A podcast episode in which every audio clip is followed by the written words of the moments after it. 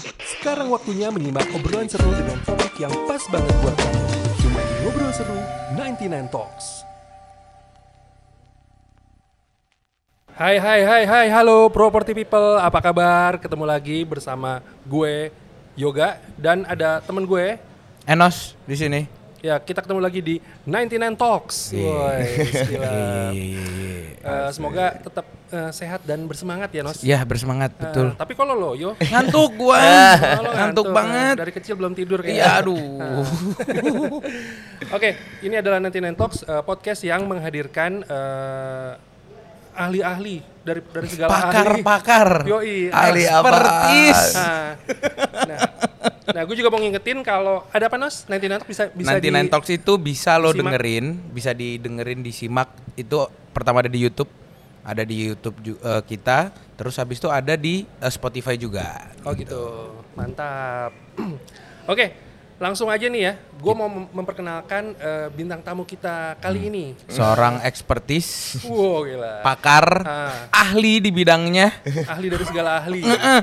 Ini eh, langsung aja ya, Iya. seorang seniman juga, Parah. musisi juga. Kacau. Langsung aja kita tampilkan aja. Tampilkan. Once Dewa. Bukan. Langsung Udah aja, nggak dewa lagi. Langsung aja kita sambut. Nah, Sambut. sambut kan udah di sini. Iya, Nah, ada di sini. ada Om Leo. Om Leo. Yo. 99 Talks. kacau. All the best. Thank you banget udah ngundang Om Leo ke sini. Oke, sampai jumpa. Eh, Om bukan, Leo. belum. Belum, belum, belum. ya? Belum dulu, Oke. sabar. Nah, nih sebenarnya ini ya, kalau ketemu dia nih kayak ketemu selalu ketemu om-om ya, om, Manggilnya om ya? om Le Om Le, gitu kan. Om Le, Om Le, Om Le. Om Le. Ntar gue mau tanyain sih soal itu. Sebenarnya gue udah tahu sih. Tapi ntar gue pengen tanyain kalau soal nama. Eh, om Leo ini Nos, eh, itu dikenal sebagai apa ya? Kalau lo suka datang ke gigs-gigs gitu kan, Om Leo berkaraoke siapa sih yang nggak tahu ya Iya, kan? betul. Ah, Nah, gue pengen nanya nih soal itu ke Om Leo. Tentang Om Leo berkaraoke. Ah, betul. ah, ah. Nah itu awalnya gimana sih Om Le?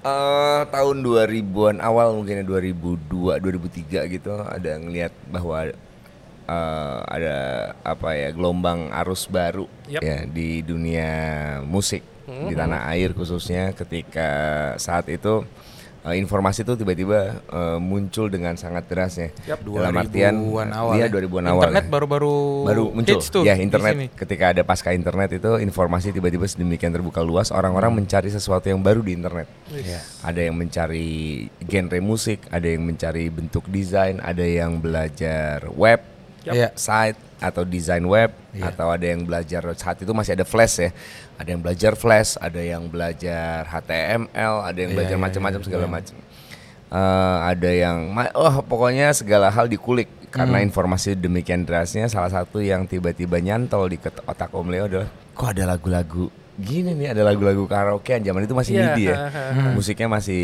di- di- eh, musik instrumen eh, digital interface yang bunyinya kayak organ tunggal gitu Iya iya iya. tapi di situ ada kemudian ada MIDI car, ada Mm-hmm. MIDI car yang ketika tiba-tiba liriknya bisa keluar dan ditampilkan di di software tersebut. Wah, eh, banyak sekali software yang zaman itu tumpah ruah lah. Salah satu yang Om Leo pilih itu tertarik ketika ada karaoke di sana karena kebetulan Om Leo juga suka karaoke. Oke. Jadi belajarlah bikin lagu-lagu karaoke dan segala macam. Masih file Oh MIDI lo, tuh. lo sendiri tuh seneng karaoke sebenarnya? Zaman dulu dari kecil, Oh, karena gitu. kan sering Oh, nyanyi kecil kan, ya? Oh, dari Oh. dari oke, oke. zamannya ada laserdisc, Ah. VCD, ada kaset. Dulu Ah, karaoke tahun 90 ya tahun 90 tahun 91 lah. Iya. Kalau lu ketawa kaset ada kaset-kaset karaoke Iya, betul, betul, Ini kaset karaoke kalau setel, dia itu ada liriknya doang. Jadi yang di setel di, ka- Iya, di kaset betul, itu betul, cuma betul. bunyi Cuman bunyinya doang, Lu suaranya nyanyi pakai mikrofon yang ada ehonya itu. Dulu tuh kalau bisa eh, karaokean di rumah tuh orang-orang kaya Om. Orang-orang Orang kaya, terbatas. terbatas karena ya fasilitasnya juga TV saat itu harus gede TV-nya. TV kecil nggak bisa. Terus sound system Sound juga. system benar benar benar. Ya kan? Dan segala macam itu. Baru kemudian di tahun-tahun yang mulai canggih itu ya tahun 2000-an ketika fasilitasnya ada pakai mikrofon yang biasa aja kok ada efeknya, suaranya bisa iya, merdu iya, dan iya. segala macam.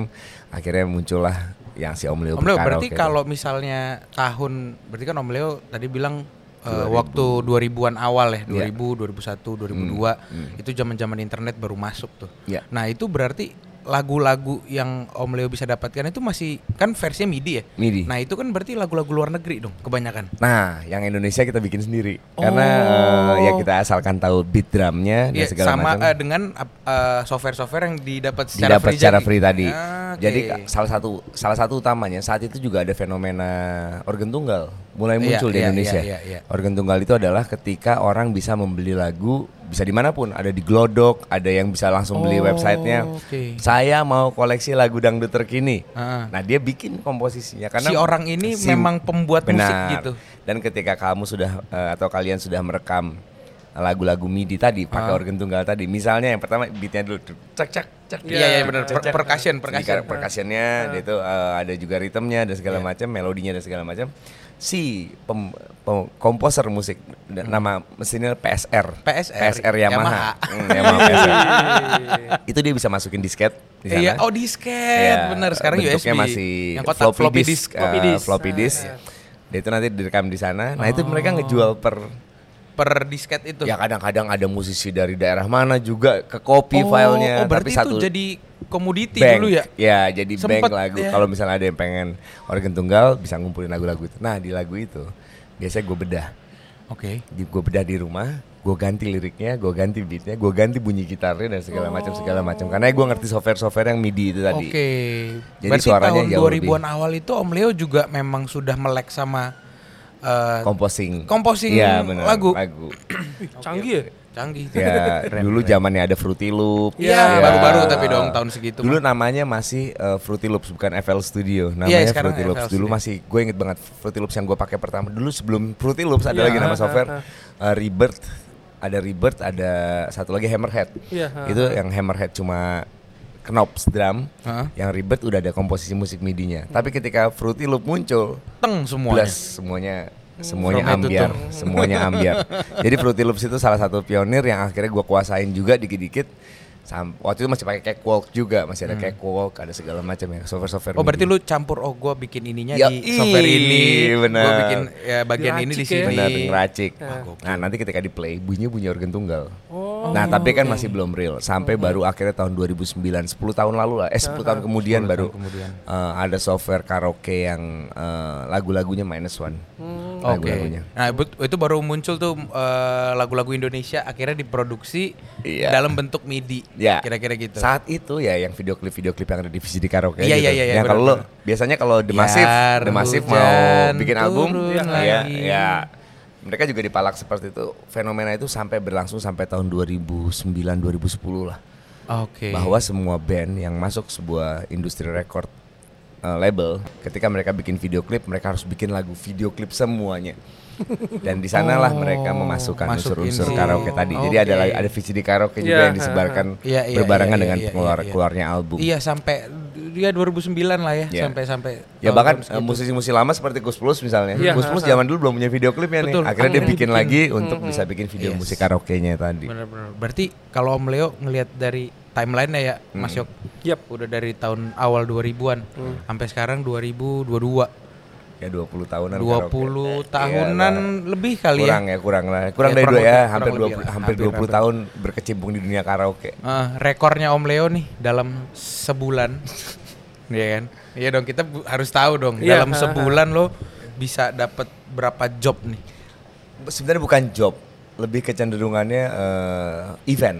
Karena bisa Oh, jadi bukan pekerjaan juga karena ya eh, maksudnya pas seru-seruan bikin karaoke bareng dan segala Berarti macam. lu da- ini kan lu berprofesi maksudnya lu dapat penghasilan dari situ. Tapi lu di di Hmm. in, in the middle masih kayak enggak gue mau senang-senang aja. main income gue sebenarnya dari kesenian ya, dari seni rupa, dari Oke. bikin karya, Oh, Iya, gitu. desain dan iya. segala Berarti kalau bisa dibilang eh, iseng-iseng berhadiah si karaoke-nya. jadi misalkan berapa puluh kali itu belum tentu dibayar semua tuh.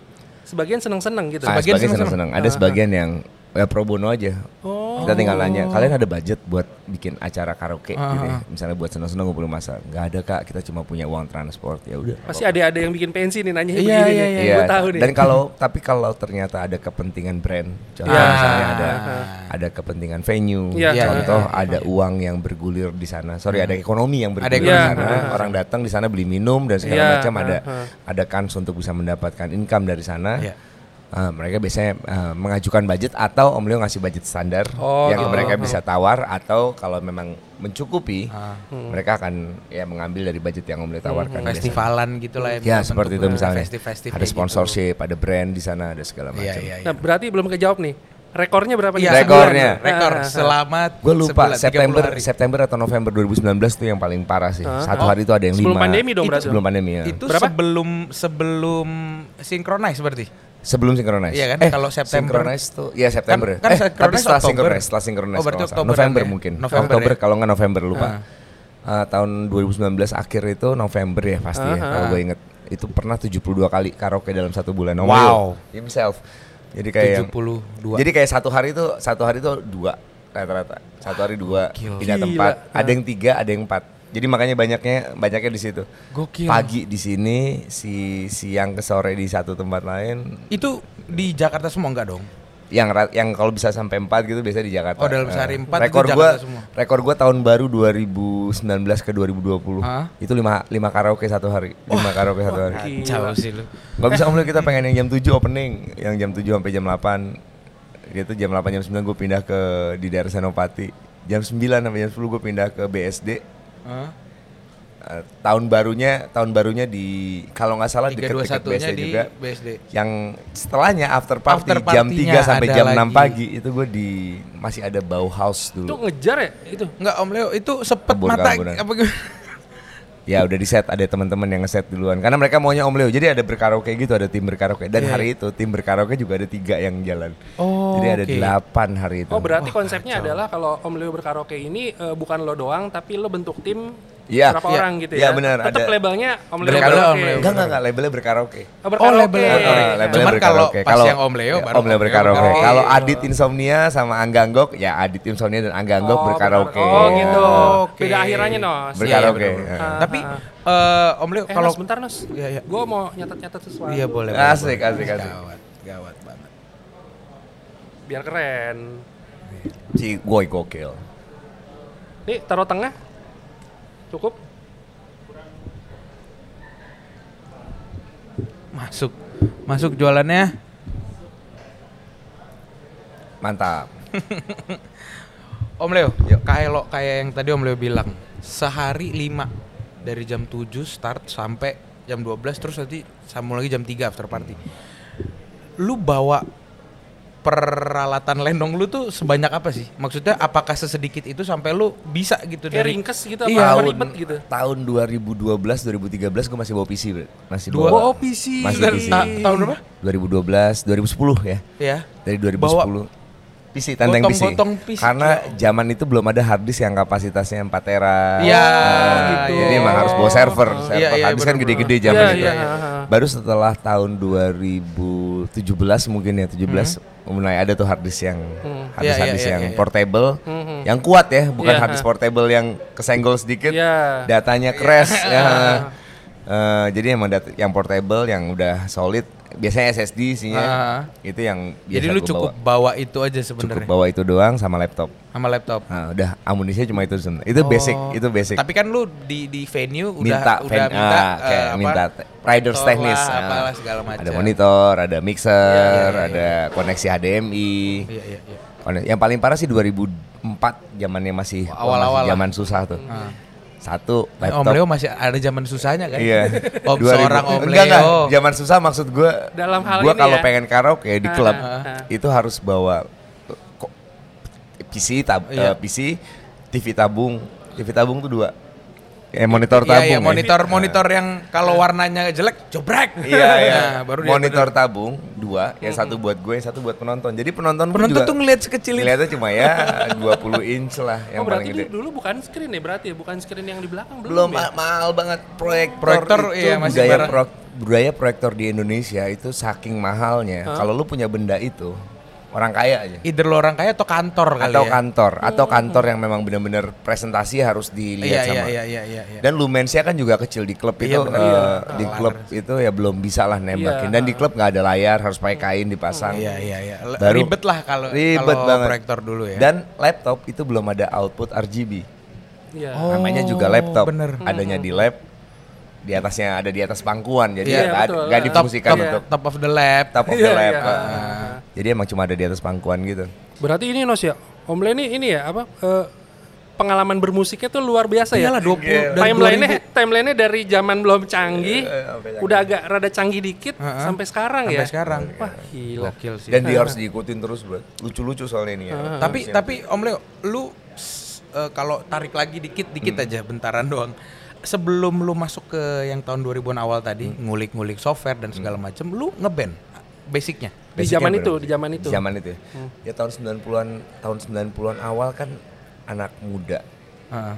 Orientasinya kan pengen pengen nyari sesuatu yang beda, musik salah satunya. Jadi Iya, zaman iya. itu satu kelas tuh punya band. Iya. Ada yang satu kelas band awal-awal 90-an ya? 90-an lah, 91 Ya awal-awalnya si eh masih ada Nirvana, kali Nirvana. ya. Zaman-zaman itu baru-baru masuk ya. Karena Grunge-grunge. sebelumnya ber- ngeband itu kan rumit kesannya. Iya, Iya, rumit iya, dalam benar. artian wah lu harus jago banget ya lu harus Iya. jago kita. Semua diacak-acak dengan kayak kondisi tahun 90-an bahwa low bro, avant-garde music, Iya. udah itu kayak grunge itu Iya. kelihatannya aja gampang. Iya. Ta- Tapi kan bisa Padahal- ditiru walaupun bikinnya susah Iya, ya. ha. Tapi oh kalau ngeband tuh cuma gini doang, butuh drum, butuh bass, butuh gitar. Butuh gitar. Oh, kita bisa bikin Faktor MTV juga ya Om Le ya. MTV, MTV, banyak banget bener. band-band MTV Ah, yang, betul yang sekali. tampil cool, video klipnya Ah. bagus. Terinspirasi lah semua teman-teman di sekolah tuh untuk untuk wah kita bisa kayaknya bikin band, bikin band, bikin band, ngeband. ngeband, ngeband.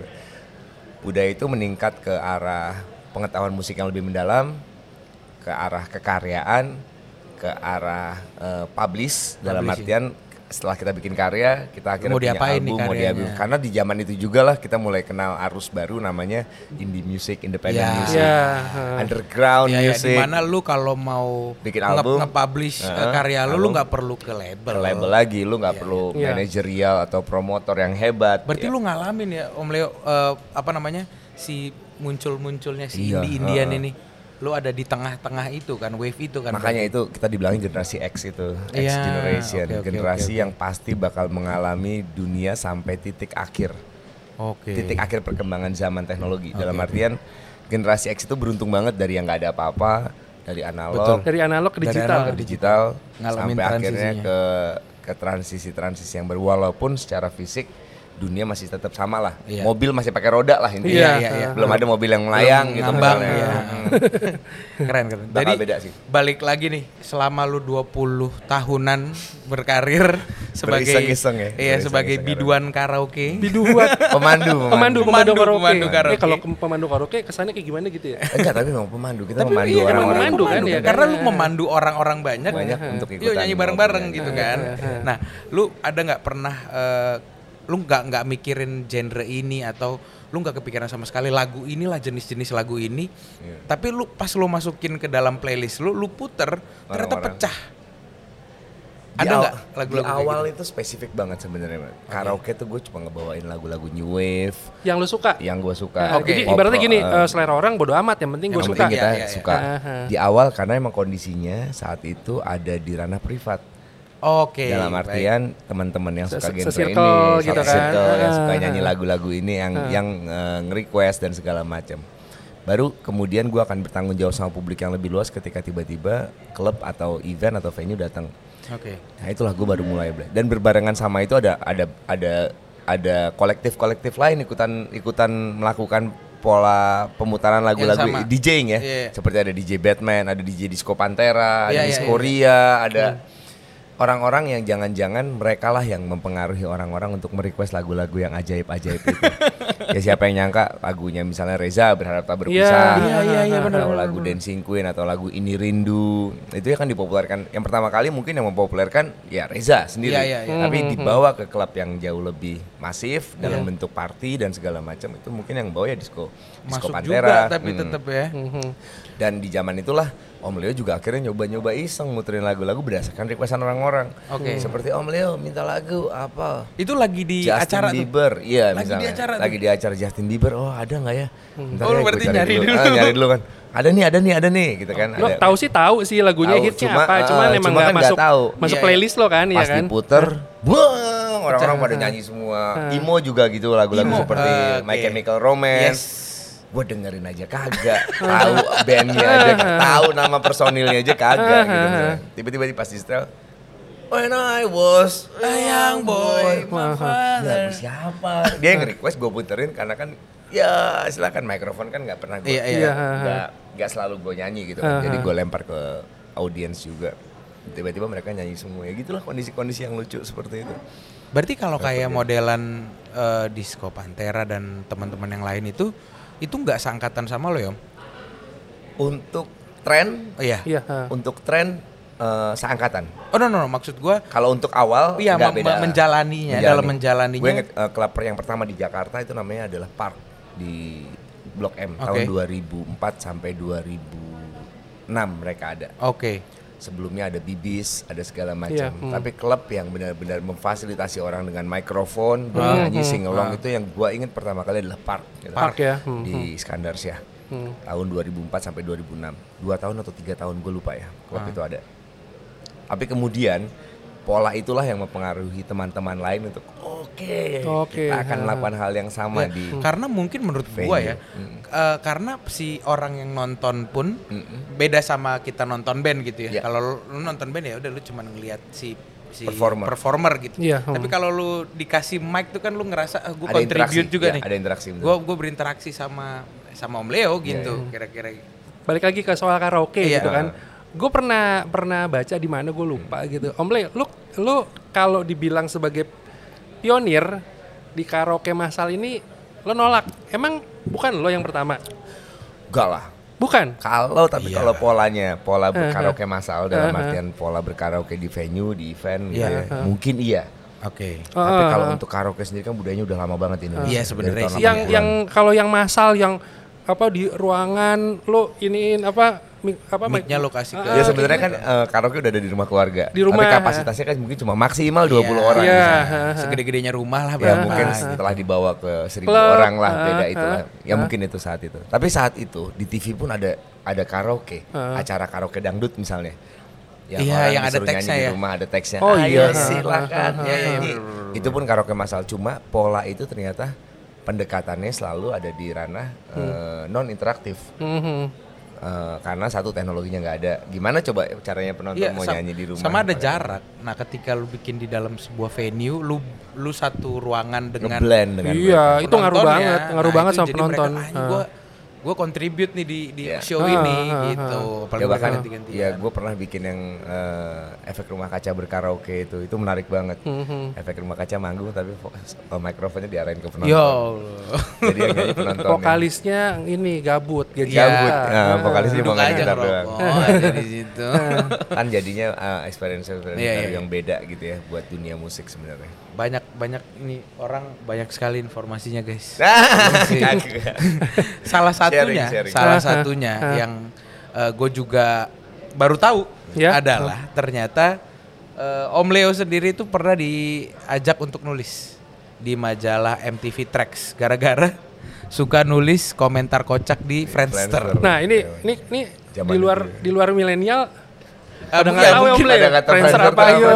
Ya kan, ntar lu googling deh mendingan. Lu sekarang main Instagram. Heeh, udah TikTok, udah era TikTok ya. Heeh. Tapi zaman itu memang kita kan Tahun-tahun juga tahun-tahun berapa nih? tahun 2000-an awal kali ya. Tahun Ya 2000-an. sama bareng wifi sama ya, internet masuk iya, ya kan ya. internet. Dan itu kan kita belum pernah mengenal kata sosial media. Betul.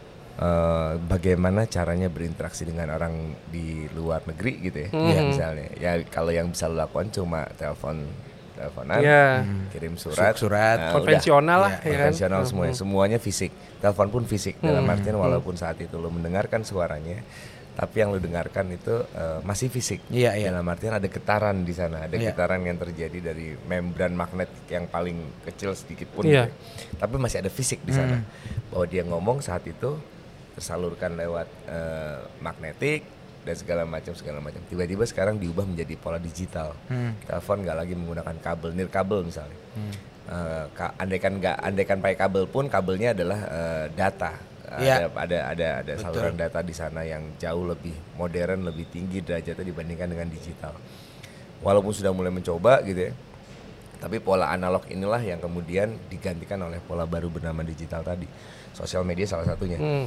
Dan ketika terjadi sosial media segala macam itu ajaib gitu. Lu ngomong asal orang ketawa. Lu goyang asal lu nulis kata-kata yang aneh Iya, yang orang-orang wah seru nih wah. Karena belum pernah terjadi sebelumnya. Informasi yang terjadi di tempat gue mungkin hanya untuk 10 orang yang ada di lingkaran gue ketika makin luas itulah ya salah satunya ya misalnya Ketika Trax ngeliat di- itu iya, ah, di Trax ngeliat Di Friendster. di Friendster. Modal modal Friendster diajakin tiba-tiba ada redaktur majalah Waktu itu siapa ya Om Le? Ya inget waktu itu masih eh, Hagi Hagi ya, Agama. Hagi, Hagi ya. ha, ha.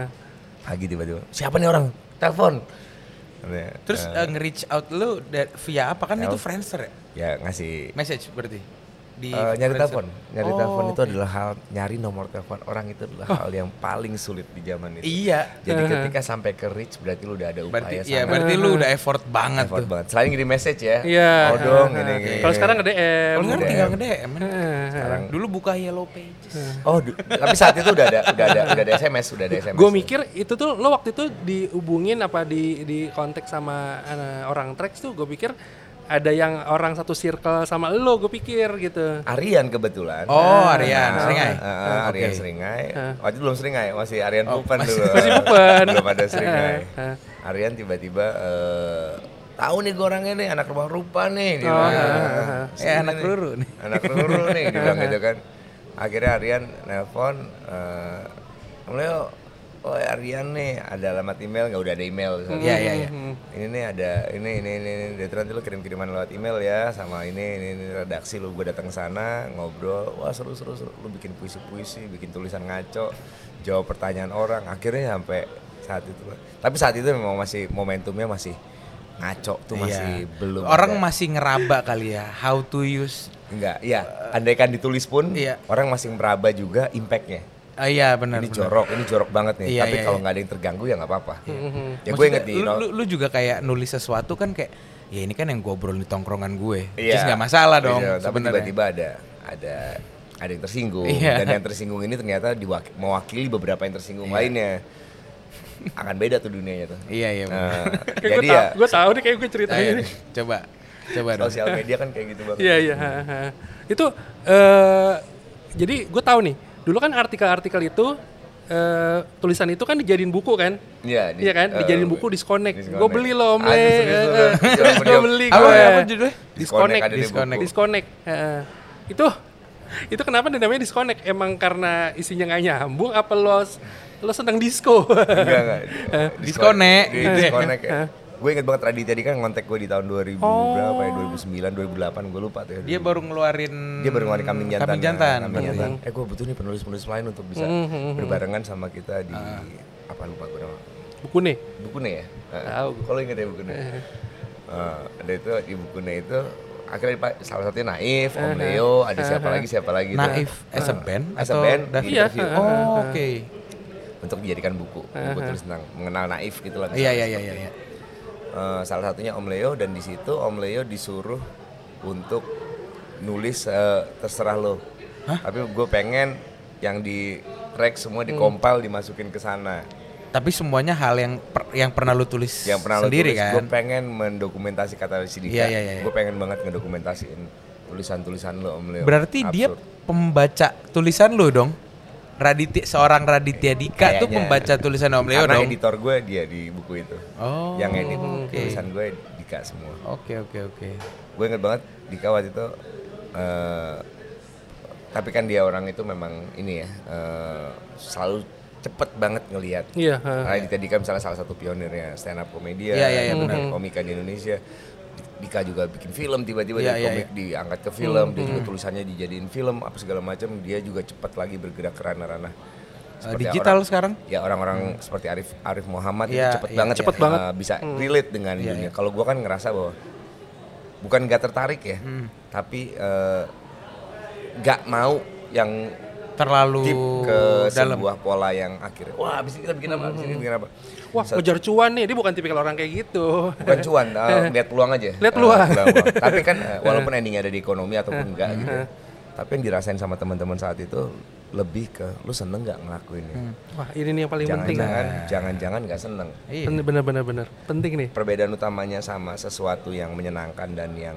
em, yang menghasilkan Iya. itu kan cuma satu endingnya itu di seperti di perbuatan kita kayak contoh kamera lu kalau motret Hmm. endingnya tuh nggak ada di mana-mana selain lu pengen memberhentikan kejadian yang ada di depan lu Iya. Iya. Setuju. endingnya cuma di situ doang Iya. nggak ada tuh ending duit nanti bakal Iya, foto iya, gue iya. bakal dipakai kamera gue Iya, bakal dapat gaji dari karya fotonya Bakal di like seribuan orang. Ya. Wow, jauh kayak gitu. teman-teman tuh endingnya selalu di situ Oke. Ke- sorry teman-teman yang spesifik ya Iya, iya. yang ketika lu megang kamera lu nyorot kamera gue pengen memberhentikan kejadian ini gue berhentiin cekrek. Udah. Endingnya di situ. endingnya di sana. Sampai detik ini nggak ada satupun teknologi yang bisa merekam gerakan. Lu percaya nggak itu? Tidak ada satupun teknologi. di dunia ini yang bisa merekam gerakan orang. Orang bergerak itu nggak bisa direkam Bret. mereka diberhentikan. Oh diberhentikan, tapi berkali-kali. berkali-kali Iya, sehingga iya. 30 frame per second. Iya, Nah, iya, maksudnya. Jadi nggak ada. Iya, bener gua juga pikir sih. kan- Bener, iya, bener, iya, bener, iya, bener. Gua pikir kan teknologinya udah ada gitu misalnya. Bakal ada di tahun ke depan gitu orang bisa ngerekam gerakan. Tapi kayaknya enggak juga ya. Ya nggak ada ternyata semua diberhentikan. Gerakan lu dari sini up up up up up, up, up, sampai akhirnya seolah-olah mata lu ditipu. Ini kan ini kan ini kan nggak gerak. Ini gerakan ini kan nggak gerak. Ini cuma lu cuma dimanipulasi sama pixel-pixel yang ada di sini. Iya. Dibuat seolah-olah lu kelihatannya bergerak padahal nggak ada gerakan. Tapi dengan dengan lu melihat dunia yang sekarang Hmm. freak se-freak ini menurut menurut seorang Om Leo, mau nulis lagi nggak atau lu pengen bikin buku lagi apa enggak? sulit mungkin. Eh di di waktu dekat nih, let's say setahun Oh, dua tahun. nggak mungkin kayaknya. Nggak mungkin. Nggak mungkin. Satu, energi yang terbuang, kecepatan waktu yang harus kita. Iya. Walaupun lu Aduh. nggak kayak yang tadi lu bilang ya maksudnya lu tidak meninggalkan itu, lu tetap mencintai itu. Gue masih menulis. Dalam artian Iya. konteks menulisnya adalah pemikiran. Jadi menulis itu kan sebenarnya adalah ranah otak kan. Iya, Iya, iya, Ranah betul. kinerja otak. Yang dulu harus dicatat. Karena nggak ada recorder. Iya. Karena nggak ada video. Karena Iya. nggak ada notepad. Karena nggak ada apa. Jadi lu harus tulis semuanya. Karena itu adalah zaman. Zaman Dan yang harus namanya juga- handwriting ya. yang namanya juga sejarah. Iya. Sejarah itu kan histori ya. Iya. Histori itu adalah zaman setelah dikenalnya tulisan. Iya, Jadi iya, setelah dikenalnya bagaimana cara orang mengungkapkan pemikiran dalam bentuk dalam bentuk yang bisa di-sharing ke orang lain. Makanya sebelum ada dan tulisan kan bilangnya prasejarah. Pas sejarah, Iya. zaman sebelum ada tulisan gitu, Iya, iya, zaman iya. sebelum ada pencatatan intinya, bukan sorry kop penulisan, Iya. zaman belum ada pencatatan. Jadi ketika ada mikrofon, ketika ada tape, ketika ada data, ketika ada komputer kayak gini seperti itulah orang akhirnya berubah Hmm. konteksnya.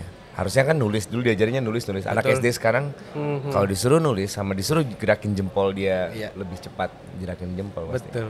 Betul, betul. Dan andekan ditulis belum tentu tulisan itu bisa menjadi apa-apa karena ya cuma dia doang yang megang harus di print harus digandakan. Iya. Kalau share dalam bentuk teks di WhatsApp Iya. atau atau grup segala macam tinggal copy lempar ke Iya, iya. dunia tuh bisa gitu. Kalau sementara kalau zaman dulu udah ada satu artikel lu mau bikin kopinya either lu ke mesin fotokopi which is dulu mahal kali ya Nah, atau lu catat tulis ulang, ulang. catat ulang.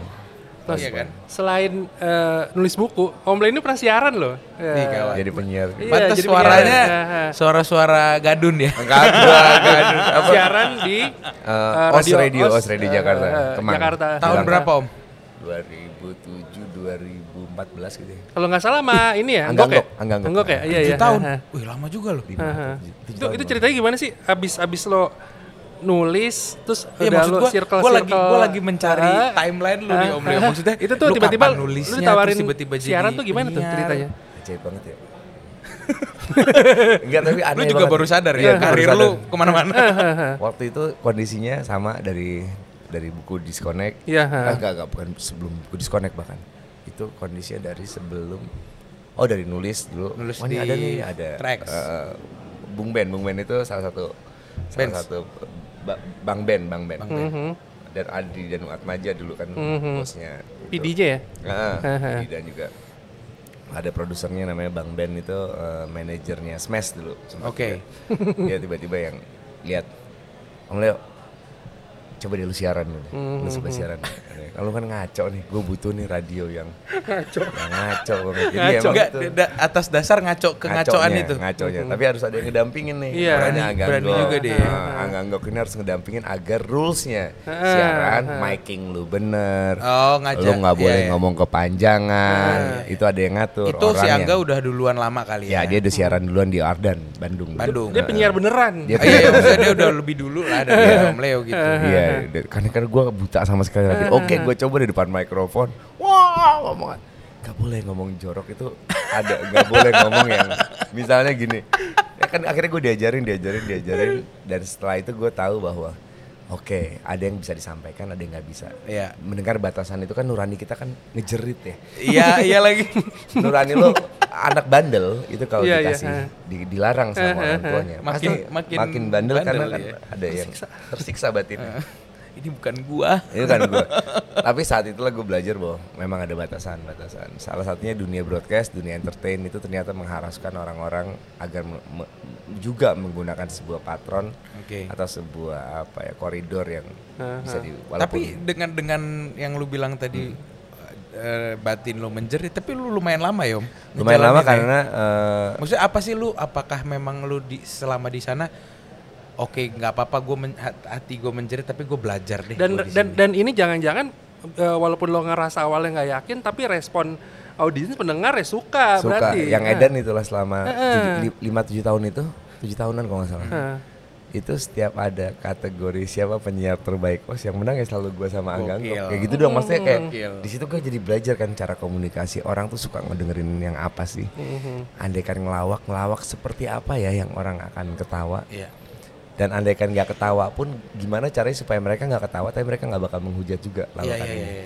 itu kan ada ilmu-ilmunya Iya, ternyata. ha, ha, sambil ha. jadi selama tujuh tahun itulah gue belajar tentang komunikasi Hmm. gue belajar juga tentang interaksi sama orang kalau penyiar gue ini nungguin apa enggak ya saat itu bahkan nggak ada media interaktif ya orang harus nge-SMS jadi nggak kayak Iya, sekarang benar. sekarang kan wah tinggal komen tinggal dengerin iya, tinggal iya, apa iya. Spotify bisa dikomen atau bisa di, di, di upload ulang Iya, iya, iya. iya. Twitternya belum ada waktu itu ya? Belum. Ya, udah ada cuma nggak Jarang, Belum belum belum diutilize sama Belum media-media sama kayak radio, radio, gitu. radio Iya, kali iya, ya.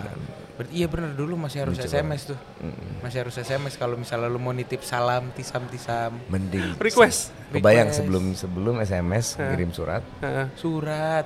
Dan kalau yang agak ekonomi agak baik ya nelpon Iya. heeh, heeh.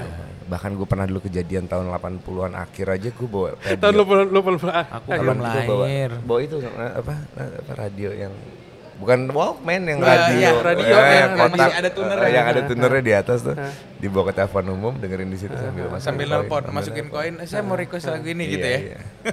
Nah, abis dari siaran nih gue gue lanjut gue penasaran pengen nanya nih sebagai menyebutnya apa nih perupa Aziz. Nah, perupa, Ah, seniman, seniman, Kenapa visual. lo ah, seneng banget sama Pixel tertarik art. banget sama pixel art? Kenapa tuh? ya berdasarkan pengalaman itu tadi kali ya Mhm. dari satu generasi gue gitu ya ngalamin segala macam jenis uh, visual Mhm. dari analog, dari pena, dari pensil, dari visual ilustrasi yang adanya secara analog, dari karya pinggir jalannya seniman-seniman trotoar gitu ya. Mhm. Dan segala macam ber- beralih kepada coret-coretan buku yang ada di belakang buku misalnya sama teman-teman Iya, kelas. iya. Di Di laci. belakang di laci coret-coret, meja Wah. dicoret-coret dan segala macam di apa namanya? kantin, dia tuh ngalamin ke eranya yang misalnya graffiti dan segala macam. Dia tuh sampai muncul ke pengalaman pengalaman visual main game, ada Yes. Game Watch, ada Casio, apa ada Nintendo, Nintendo, Sega, Atari, Atari. Sega, Atari. Atari. Udah tuh kok- dan segala macam segala macam gitu. Sampai akhirnya eh, ada MTV, Iya. masih dihajar kita ada kemudian ada teknologi visual dalam bentuk CGI, ada dalam bentuk eh, Terus eh, quality udah jadi ya, 4K. misalnya DI juga digital imaging dan segala macam. Akhirnya eh, dari segala macam proses itu gue memilih satu divisi yang paling gue suka tadi namanya pixel art karena itulah yang paling berkesan buat gue mungkin Eh, bagaimana menyajikan sebuah gambar dalam format yang sangat unik lucu warnanya juga banyak dan segala macam jadi pixel art itu akhirnya gue berhenti di pixel art gitu dalam arti nggak ada kayaknya divisi lain yang lebih indah daripada Wis, jenis oke. kekaryan Tapi berarti kan lu sebenarnya eh, melihat juga dan menikmati juga bentuk yang lain. Iya karena gue juga eh, gue sekolah di seni rupa juga dulu di Iya. Jogja, eh, masuk sekolah seni rupa, belajar dari semuanya tuh, Hmm. Nah, belajar hitam putih, belajar warna, belajar sejarah seni rupa barat, sejarah seni rupa timur. Dan bukan cuman belajar ya, maksudnya lu ngalamin fasenya ya. Iya. Mulai yang tadi yang lu bilang dari lu ngelihat karya eh, gambar dalam bentuk coretan pensil, Pena, pensil. pulpen, terus kemudian lu ke graffiti, Lukis, eh, apa ya kan dan segala ya. macam, lu ngalamin juga kan. Maksudnya ngelihat, iya. ngelihat itu sebuah proses yang sebuah proses yang unik sih dalam artian proses-proses tadi. Ada sebagian orang yang mengalami, ada sebagian orang yang langsung menerimanya output dalam artian setumplek lu dong ngasih tau prosesnya. Yang lu tinggal ini kayak jadi tinggal ini. ini jadi kayak gitu. Iya, iya. Nggak salah dan nggak bener juga cuma yang Nggak salah. cuma kita tahu persis bahwa ketika lo mengetahui sebuah proses yang panjang tadi atau setidak-tidaknya lo mau mempelajari proses kayak contoh gini ada satu band bagus kalau lo cuma mempelajari lagunya selesai karir lo di lagu tersebut. Iya. tapi andai kan lo belajar kenapa orang ini bisa bikin lagu seperti ini? Di mana sih dia tinggal? Iya, iya, apa iya, yang ada iya, di iya, pikirannya iya, dan segala iya, macam iya, segala macam itu akan beda lo mendapatkan experience gitu Iya, sih. setuju. Kenapa kenapa lagu-lagunya The Beatles beda sama lagu-lagunya Nirvana. Hmm, Ya kan karena dia punya histori yang Experience-nya beda, Experience yang experience-nya dialamin beda. beda. Hmm. Dan segala macam. segala macamnya Oke, tapi sebelum lanjut Om Leo, gue juga mau ngingetin ke teman-teman yang Ke uh, property people eh, semuanya ya. property people semua bahwa obrolan kita dari tadi ini nih kalian bisa nikmatin uh, di YouTube di YouTube-nya Rumah 123. Hmm. Terus habis itu ada di Spotify juga sama ada di Noise juga. Jangan lupa ya, subscribe ya, follow, follow. 99 Talks 99 Talks. Ya, kita lanjut. Lanjut ya. Asik. Nah, nih gue mau nanya nih terkait sama eh, boyband idola gue. Ah, Mes. mes. Nah, Semes. Om Le, lo kenapa kok bisa featuring di video klip mereka tuh? Enggak di sih lagu itu. Jadi Milikku. Ya gara-gara? Bang Ben juga, Bang Ben Oh, tiba-tiba dia? ah, Bang Ben kan Oh, eh, masih di manajernya oke. Mes, Mes saat itu udah udah mulai vakum Aha. tiba-tiba mereka pengen comeback, Hmm. ada momentum saat itu eh, kita harus nge-guide orang yang misalnya ini nih, yang bisa nge-lead kita untuk yang bawa ke kepilih, dunia. yang kepilih gue bingungnya dia gitu. gue kembar. Karena Om Leo dan Smash, Om gimana sih? Dan saat itu bukan eh, Om Leo featuring Smash ya. Eh, jadi Smash yang featuring Om Leo ini aneh banget ini lebih absurd. Satu Om Leo nggak bisa nyanyi, nggak merdu-merdu banget. Dia tuh nggak bukan komposer musik yang handal Iya. juga. Kenapa di ternyata ada satu cerita bahwa eh, kita butuh ikon Om. Oh gitu. Oke. Gue pikir gue pikir mereka tuh nyari ini penggantinya Morgan. Ah, ya satu ya jelas umurnya udah kalah, umur kalah, kelakuan kalah. Tapi umur secara lebih muda maksudnya. Iya, iya, Betul. iya, iya. Jiwanya. Jiwanya. At least jiwanya. tapi yang bisa mereka mereka butuh ikon, butuh ikon untuk bisa mendelegasikan sebuah pemikiran yang eh, fresh karena mereka tahu wah berkaraoke Om Leo dan juga Om Leo beraktivitas di ranah-ranah yang sangat spesifik gitu.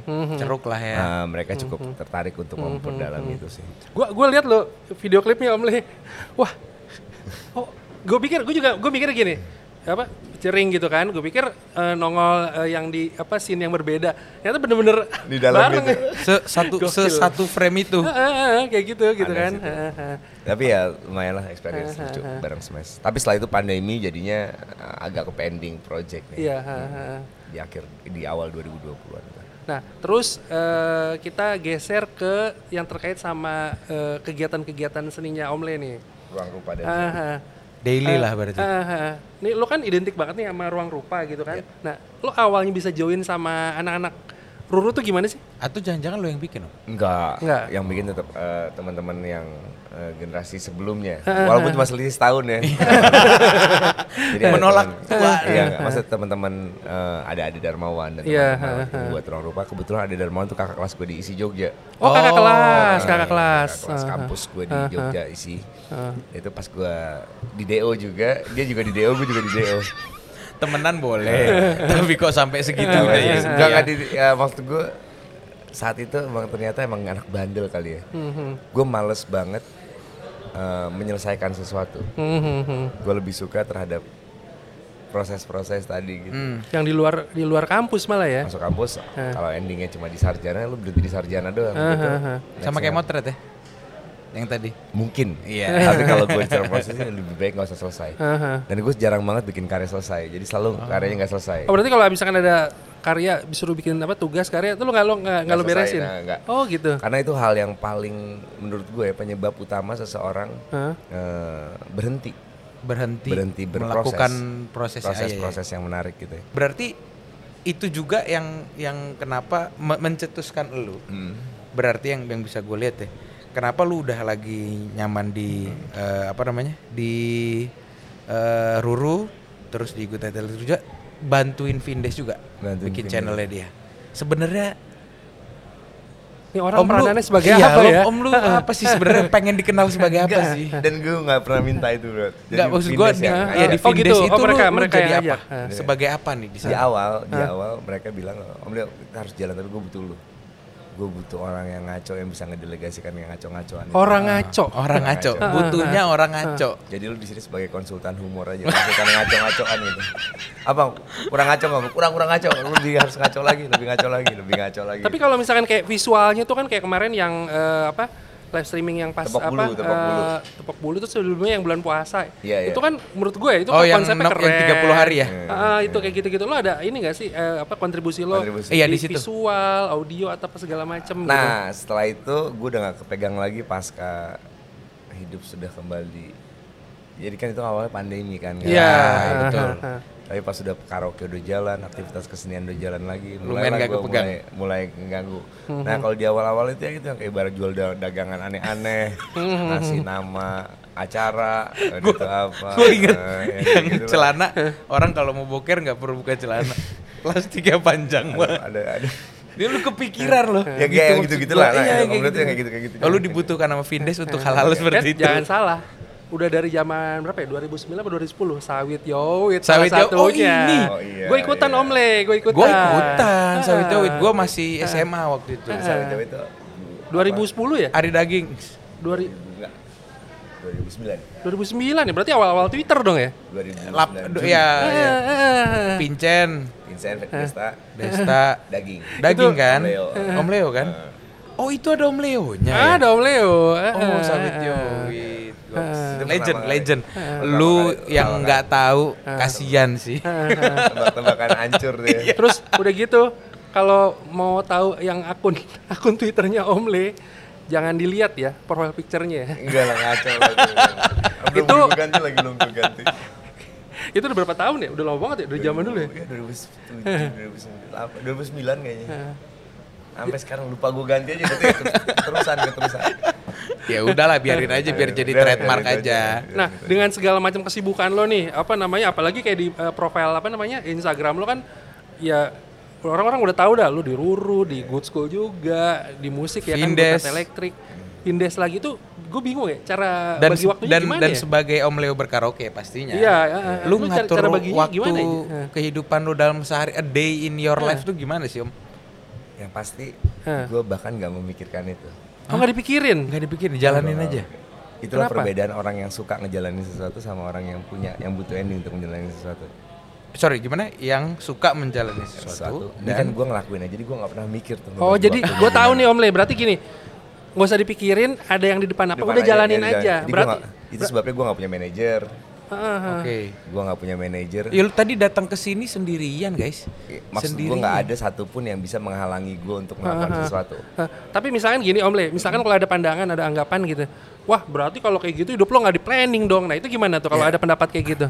Nah ini dia salah satu yang lucu ya menarik dari ah, ah. sebuah konsesi bahwa lu menjalani hidup right right Iya. now gitu. Lu nggak pernah berpikir tentang apa yang akan terjadi di ke depan gitu. Iya. Dalam artian lu nggak nggak menyiapkan sesuatu untuk sesuatu yang lain gitu dan segala macam. Bahkan lu cenderung bukan ignore ya, tapi cenderung bahwa lu nggak jangan-jangan nggak tahu di dunia ini ada macam-macam yang yang aneh-aneh Iya, yang iya. lainnya gitu. Iya. Karena lu- Di tengah keanehan yang sudah banyak Iya, ini ya. Karena ya lu jalan di tempat yang lu pengen dan eh, dunia lu kayak berusaha untuk ngatur bahwa dunia harus berjalan seperti apa yang gue mau. gitu.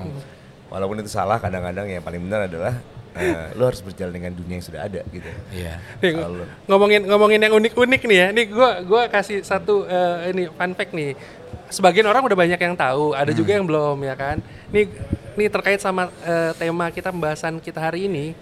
Karena kita ini dong, apa ada pasti ada kaitan dengan properti Betul. ya. Iya, iya, iya. Om Leo ini di KTP-nya profesinya adalah apa Om Le? Tukang cukur. Tukang cukur.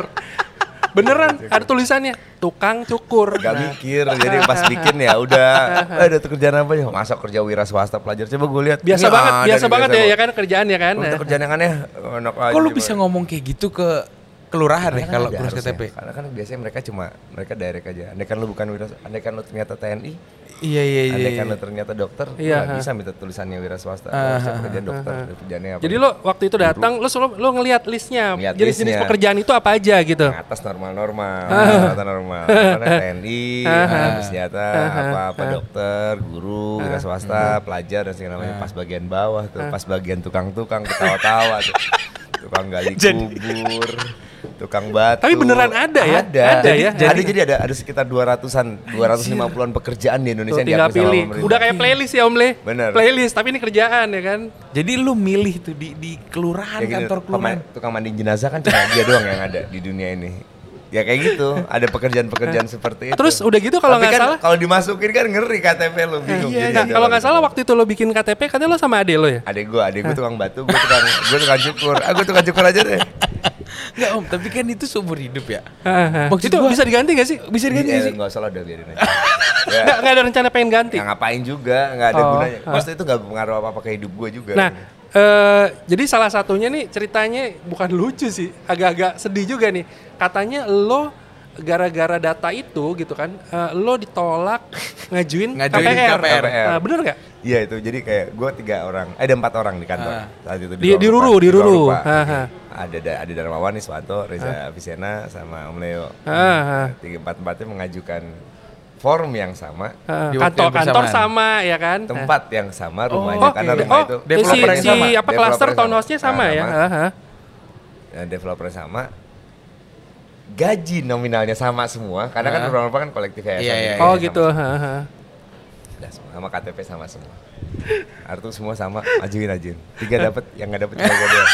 Pas gue lihat itu apa yang penyebab? Apa yang salah? Nggak yakin mas sama pekerjaan mas. Anjir, pekerjaan gue tukang cukur. Wah jahat lo.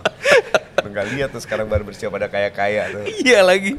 Tapi kan intinya, wah seuzon lo sama, lo seuzon Itu sama nasib orang. itu lo ngajuin eh, cuma sekali itu kah atau lo berkali-kali?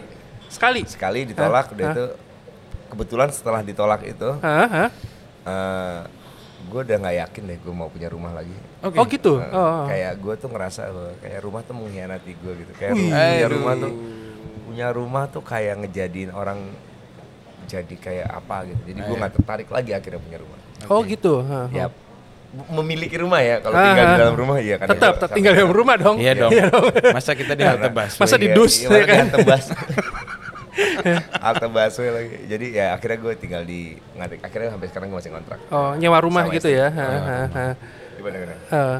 Tuh, jadi Gini. salah satu pengalaman Om Leo yang menurut gua gimana ya bilang aneh iya. Padahal ibaratnya gini loh Nos, ya duit ada buat Duitnya DP, ada, iya. nyicil ada gitu kan, Nah, cuma gara-gara data gitu. tapi berarti lu sedih gak Om Leo waktu Saat itu. waktu Eh. iya saat karena kan lu bareng yang gue bilang berempat tiga teman lu dapet nih lu nya enggak cuman gara-gara si Itu tukang kan. cukur ini Nggak ada sih, gue nggak sedih. Gue cuma ngerasa bahwa saat itu yakin dunia perumahan sejahat ini sama iya iya pekerjaan iya, orang. iya. Itu sejudgmental ini Gue penasaran kayak respon ka- kalau istri udah kebayang lah gitu, kalau kayak orang tua apa mertua tuh gimana Nah, tuh? itu gue pernah hampir gagal kawin kan Ya Allah. Karena di sidang Karena, ha, ha. gue, calon mertua gue. Calon mertua- waktu itu calon mertua. calon cu- kamu beneran tukang cukur Hah? kamu penghinaan terhadap keluarga kamu ngakunya seniman ngakunya kerja punya kantor apa Pas dilihat, Cukur.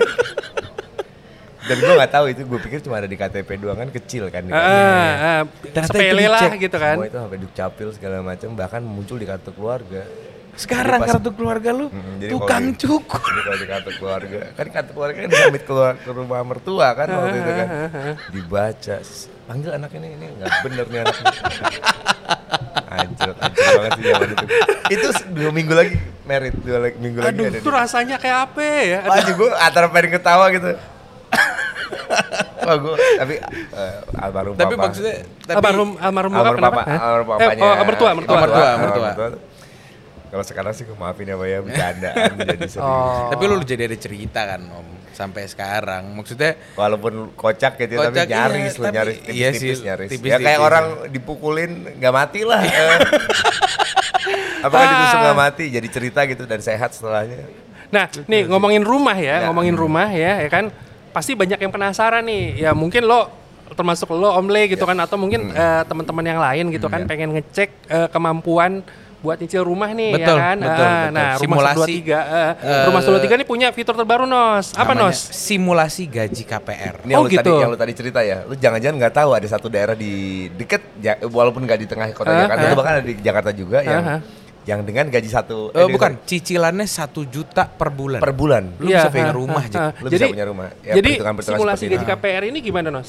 Jadi fitur ini tuh bisa ngebantu lu buat ngecek. Jadi kalau lu buka websitenya Rumah 123, Hah? terus nanti ada pilihannya gitu. Kita masukin gaji kita, misalkan Nanti ya, eh, jadi, misalkan eh, Om, Om Leo kita misalnya masukin income. eh, income. Iya, ada income-nya Seha- misalnya eh, dalam sebulan 10 M misalkan Om 10 Leo. M ya. Gua lah. Amin dong. Gak mau juga. Oh, iya, iya. Ngeri, Bingung nggak? Bingung nggak? Bingung nggak?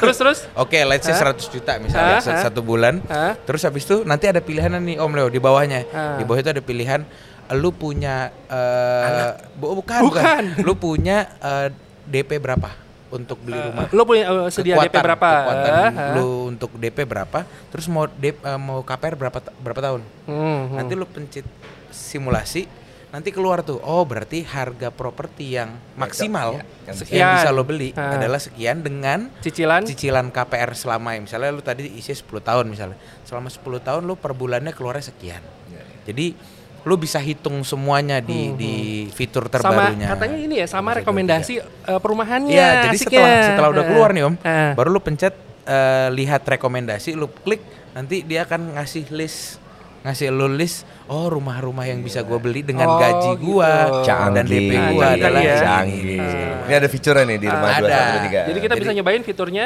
di rumah 123 www.rumah123.com. Oh, dia ada tulis aja simulasi gitu ya? Iya, di ada search-nya. simulasi Ah. KPR. Oh, rumah simulasi 123.com Iya. slash cari KPR slash simulasi Slash gaji simulasi KPR. gaji KPR. Ah. Oke.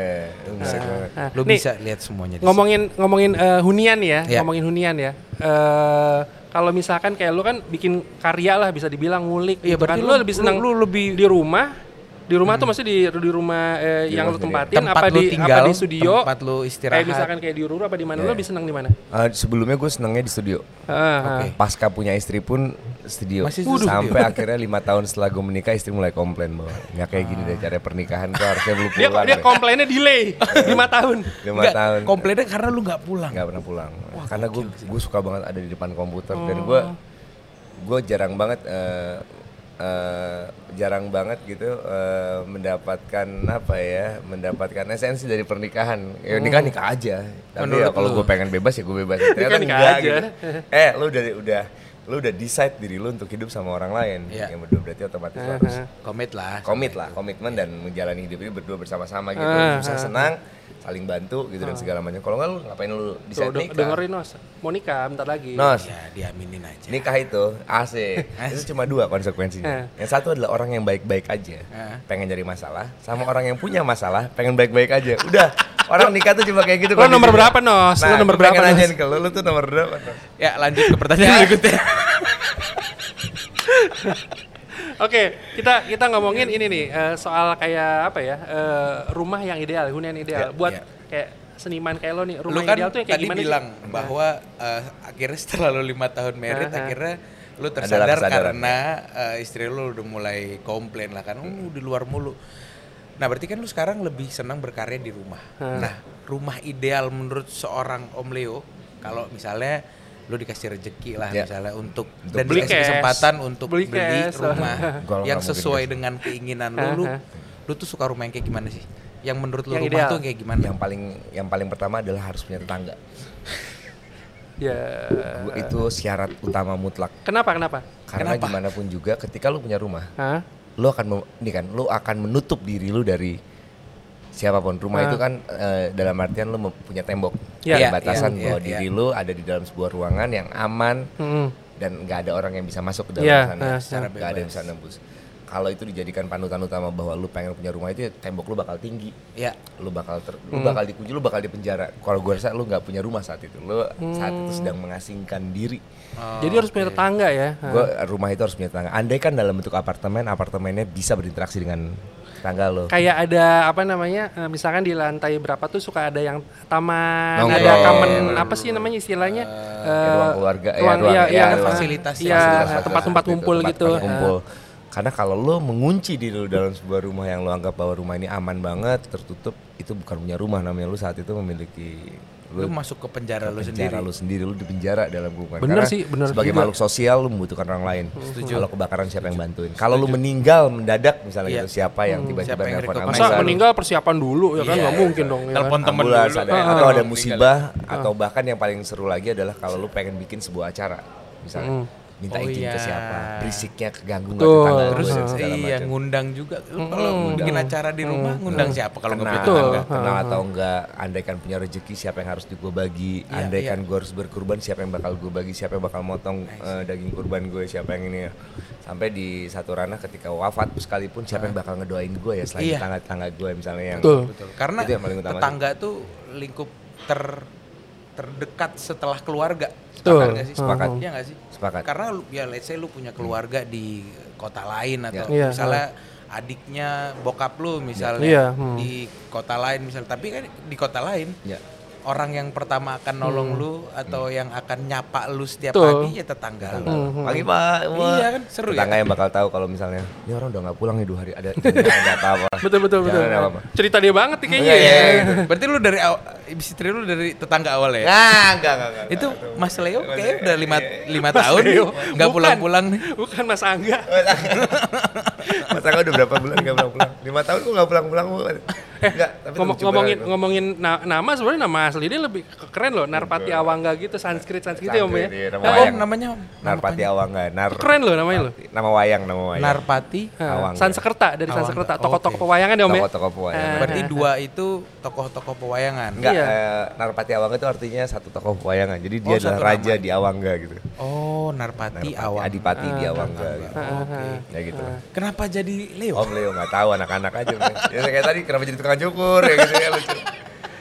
Tapi Om, dari kita udah ngobrol dari awalnya lu ngeband ya kan tadi, terus gimana lu mengalami proses per- perjalanan eh, di dunia seni visual ya dong, dari pensil, pulpen kemudian eh, ngelihat graffiti, teknologi masuk Iya. komputer.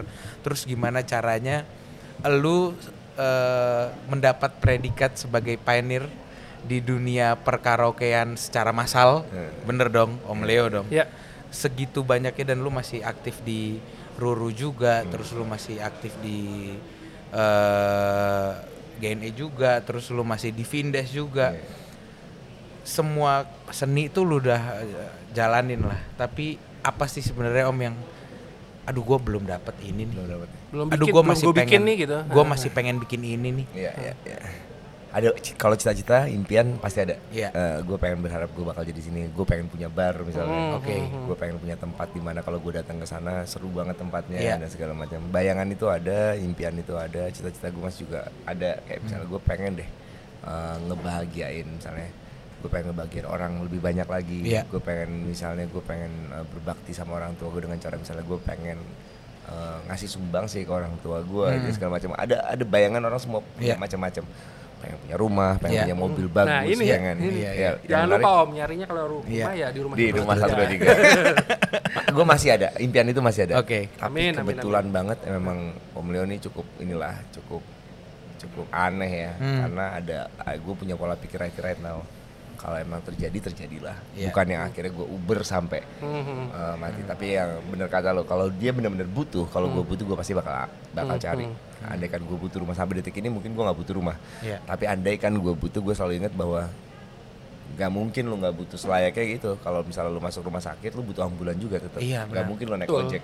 Hmm. Nggak mungkin lu naik eh, dianterin naik sepeda. Lu tetap membutuhkan suatu hal yang benar-benar krusial. Proper lah. Rumah proper ya selayaknya properti tadi yang gue Iya. bilang eh, kalau ngomongin rumah dan kebetulan eh thank you banget ya sekali lagi buat rumah 1 2 3 udah ngajak kamu lihat ke sini. Yang yang satu hal yang paling utama menurut gue yang belum pernah tercapai adalah belum banyak orang yang bisa gue reach dari apa yang gue hasilkan.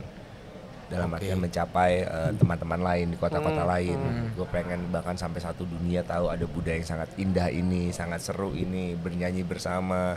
Dalam bentuk karaoke atau karya seni yang gue bikin itu bisa mencapai ke sana juga mungkin itu beberapa hal yang gue pengen bikin ini sampai. om bikin apa pagelaran seni om Leo jadi di dalamnya tuh ada ada seni secara visual ada Iya, secara iya, iya. audio Iya, iya, dan iya. segala macam ya kan bikin konser om Leo berkaraoke tapi kanan kirinya karya-karyanya om Leo top. Wah, Keren tuh. amin, amin, iya kan? amin. Keren, Amin, di keren. JIS Ah, yang baru. Ah. Ini kapasitasnya gede banget. Kita doain supaya Amin, apa pun yang Om Leo doakan dari tadi sudah disampaikan. Amin, amin, amin. Bisa kecapean. Amin dong, amin selalu. Dan gue juga pengen nyampe jangan lupa kalian semua subscribe rumah 123 Ih, ya. top. Gokil. Mantap sekali. Gue baca persis di depan gue. Dan eh, juga follow Twitternya, follow akun sosial medianya rumah 123 dan Betul, juga betul, teman-teman di 99 Talks. Talks. Eh, 99 Talk apa 99 Talks? 99. Kalau 99 sembilan- Talks. kalau 99 yang itu. Coba. itu yang jet 99 pribadi. Talks dan ada Spotify, Noise, juga YouTube channelnya. Iya. Alright. Jadi eh, udah 60 menitan Mas Iya. Yok, Om Leo. Ah. 60 Kelamaan menit. ngobrol. Eh, kelamaan ngobrol gitu. Tapi seru, maksudnya informatif. Kita dapat in- informasi banyak ya dari Iya. Om Le ya. Ah. sama ilmu kehidupan gua. Gue eh, gua gak nyangka loh. Kalau dia dari tulisan tuh kan lucu-lucu absurd. Tapi begini, dalam. Gila, bijak ya. Ah, kayak empu-empu zaman dulu. Empu makanan Palembang. Ah, pempek. Wah, aduh, sawit yowit nih dibawa-bawa ke sini. Gua gua ngelihat plesetan-plesetan dia tuh aduh gokil banget. Jadi sudah lama kita ngobrol, jangan lupa sekali lagi kita ingetin supaya teman-teman bisa nonton ini eh, di eh, channel YouTube-nya Rumah 123, terus ada di Spotify juga dan pastinya ada di Noise juga. Jadi eh, sekali lagi tepuk tangan buat Om Leo. Thank you banget ya guys, thank you banget Nas. Terima Oke. kasih, terima kasih eh, waktunya sudah diluangkan buat kita. Eh, jadi Property People, gua Enos di sini Gue yoga. dan Dan ada Om Leo di sini. kita bertiga pamit dulu. See you. Sampai Bye. ketemu.